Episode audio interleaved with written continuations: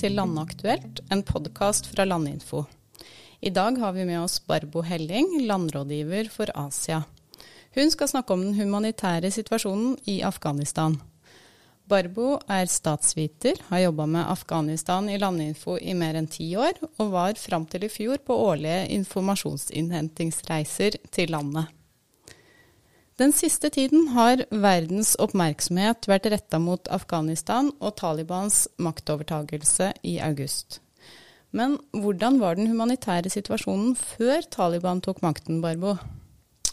Afghanistan er et av verdens fattigste land, og slik har det vært lenge.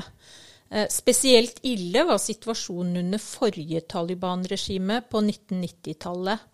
Eh, da regimet falt i 2001, var gjennomsnittlig levealder kun 45 år. Nesten ingen jenter gikk på skole, og kun en tredel av befolkningen hadde tilgang til helsehjelp.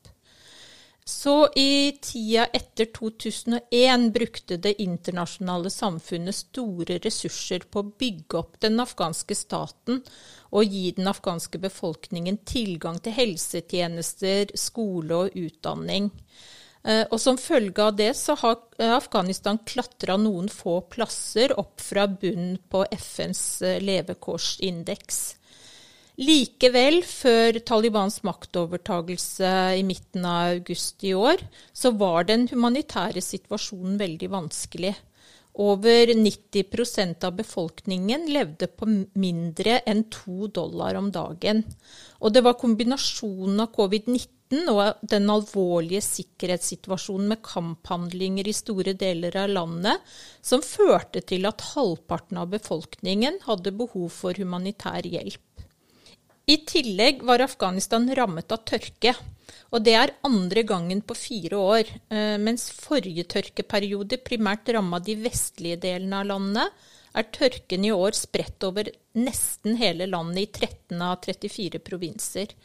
Så avlingene blir derfor mindre, og tilgangen til mat blir dårligere i år enn i normalår. Hva veit vi om den humanitære situasjonen nå etter maktovertagelsen? Situasjonen den har gått fra vondt til verre. Nå er det fare for hungersnød, og mange har behov for humanitær hjelp for å dekke de mest grunnleggende behova, som tilgang til mat, drikke og medisin.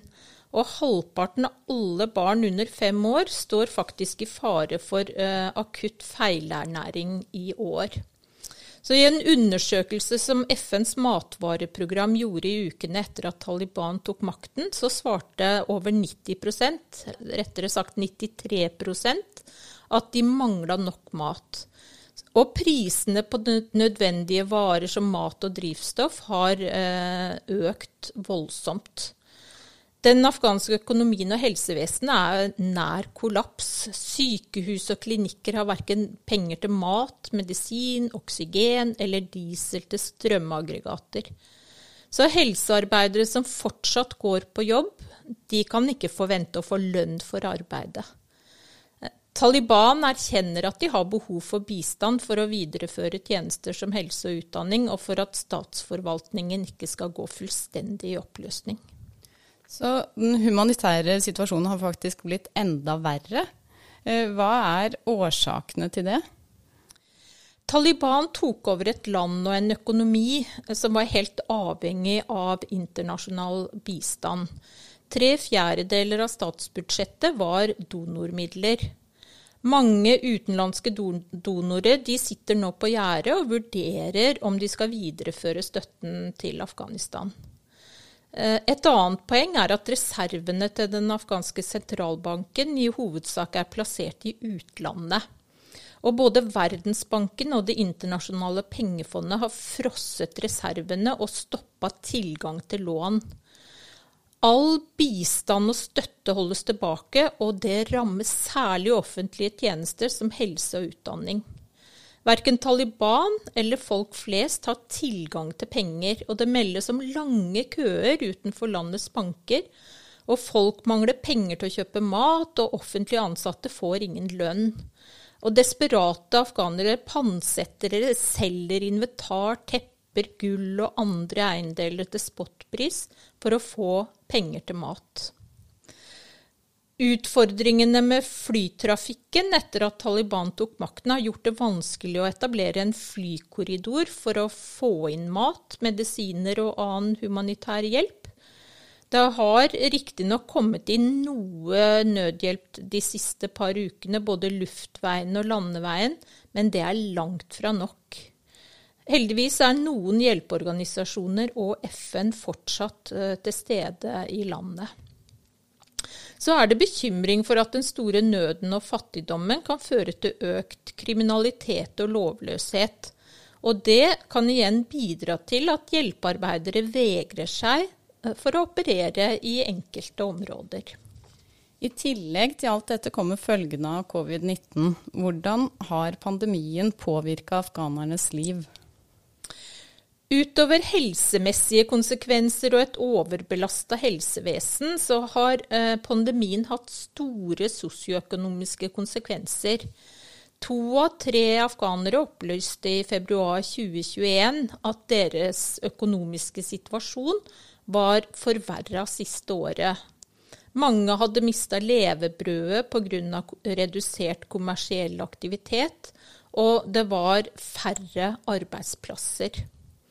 Så økte priser og lavere inntekt, kombinert med at pandemien har ført til stengte grenser og mindre overføringer fra slektninger i utlandet, det har bidratt da til sammen til en prekær økonomisk situasjon for mange afghanske familier. Hvor mange afghanere har vært smitta, og hvor mange har dødd som følge av pandemien? Det er stor underrapportering og upålitelige data. Eh, verken før eller etter Talibans maktovertagelse har eh, helsevesenet hatt kapasitet til å teste i stor skala. Og det er særlig på landsbygda så dør folk uten at dødsårsaken blir undersøkt. Ved utgangen av september eh, så er eh, covid-19 registrert som dødsårsak i ca. 7200 tilfeller, men mens om lag 155 000 personer har fått påvist smitte. Men på landsbasis er det kun 750 000 av en befolkning på om lag 35 millioner som er eh, testa. Eh, vaksinasjonsgraden er òg veldig lav, og spesielt på landsbygda. Afghanistan har også et høyt antall internt fordrevne. Hvor mange er det snakk om, og hvordan er situasjonen for dem nå? Ifølge tall fra FN var 2,9 millioner afghanere internt fordrevne ved utgangen av eh, fjoråret 2020. I løpet av 2021 har ytterligere 550 000 blitt eh, fordrevet. Eh, mange etter 1. Eh, mai, da Taliban starta sin offensiv. Vi har jo alle sett bilder av internflyktninger som har slått seg ned i teltleirer i Kabul. Nå har noen begynt å vende hjem, mens andre har ingenting å reise hjem til fordi hjemmene deres har blitt ødelagt i kamper, eller avlingene har slått feil pga. tørke.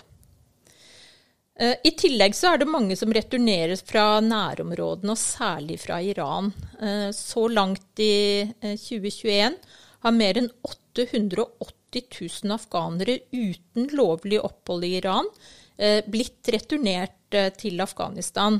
Og sist uke så var det mer enn 33 000. Eh, om lag halvparten er deportert. Eh, det betyr at de har blitt pågrepet av iranske myndigheter og sendt ut av landet. Eh, og den andre halvparten har valgt å returnere til Afghanistan frivillig i gåseøyne. Antagelig fordi livet i Iran har blitt for vanskelig for afghanere som oppholder seg i landet uten noen rettigheter. Hvordan har det internasjonale samfunnet reagert på den humanitære krisen i Afghanistan? Verdenssamfunnet har innsett at den humanitære og økonomiske situasjonen i Afghanistan er prekær. Mandag 13.9 ble det avholdt en internasjonal giverkonferanse for Afghanistan i Genéve. Eh, og FNs generalsekretær Antonio Guterres appellerte til FNs medlemsland da om å bidra for å avverge en stor humanitær katastrofe. Eh, og samme kveld så opplyste han at det var kommet løfter om 1 milliard dollar. Og e, både EU og Norge har gitt eh, løfter om bistand. Så verdenssamfunnet er enige om at behovet for bistand er stort. Eh, spørsmålet er heller hvordan den humanitære hjelpen skal innrettes og kanaliseres for å ivareta ulike hensyn. Både det å hjelpe den afghanske sivilbefolkningen, men samtidig utøve press på Taliban. Og det er et stort dilemma for verdenssamfunnet. Tusen takk, Barbo. Eh, Landinfo følger nøye med på hva som skjer i Afghanistan.